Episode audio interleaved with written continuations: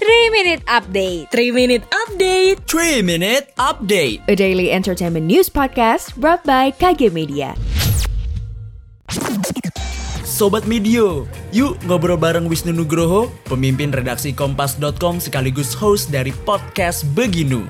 Kita bakal ngobrolin tentang apa saja sih hal seru yang terjadi di belakang layar podcast Beginu. Makanya jangan sampai ketinggalan dan catat agendanya. Di hari Rabu tanggal 2 Februari 2022 pukul setengah 7 malam live di Instagram at Medio by KG Media dan at Beginu. Biar makin seru, akan ada giveaway voucher gramedia.com senilai 100 ribu rupiah untuk dua orang pemenang loh.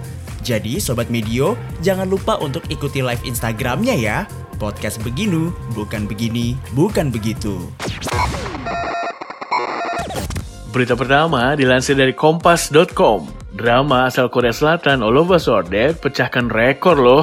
Drama yang diangkat dari adaptasi cerita webtoon ini mendapat poin popularitas dari Flix Patrol. All of Us Are Dead sampai ngalahin Squid Game dan Hellbound. Serial ini juga berhasil menempati posisi tayangan terpopuler di berbagai belahan dunia. Gak cuma di Indonesia, sutradara All of Us Are Dead, Lee Jae-kyu ngucapin terima kasih dan apresiasi sebesar-besarnya buat penggemar, pemeran, sampai seluruh kru yang terlibat di serial serial ini. Kita beralih ke berita selanjutnya. Dilansir dari kompas.id, meskipun pandemi nggak menyurutkan kreativitas warga Prancis. Ajang Paris Fashion Week yang menampilkan busana pria untuk musim gugur dingin tahun 2022-2023 ini bisa kamu saksikan betapa kreativitas di dunia mode adalah tanpa batas. Ajang Paris Fashion Week yang menampilkan busana pria untuk musim gugur dingin 2022-2023 digelar di Prancis. Hal ini membuat banyak desainer memilih menghadirkan karya mereka secara daring.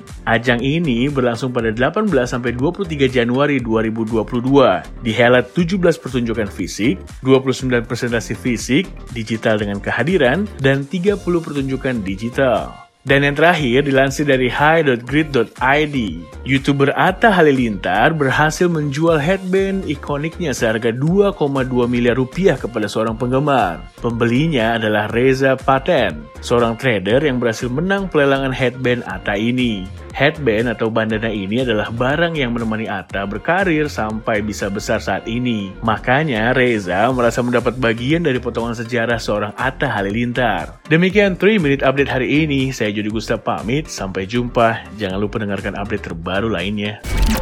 Sekian update pagi ini. Sampai ketemu di 3 Minute Update selanjutnya.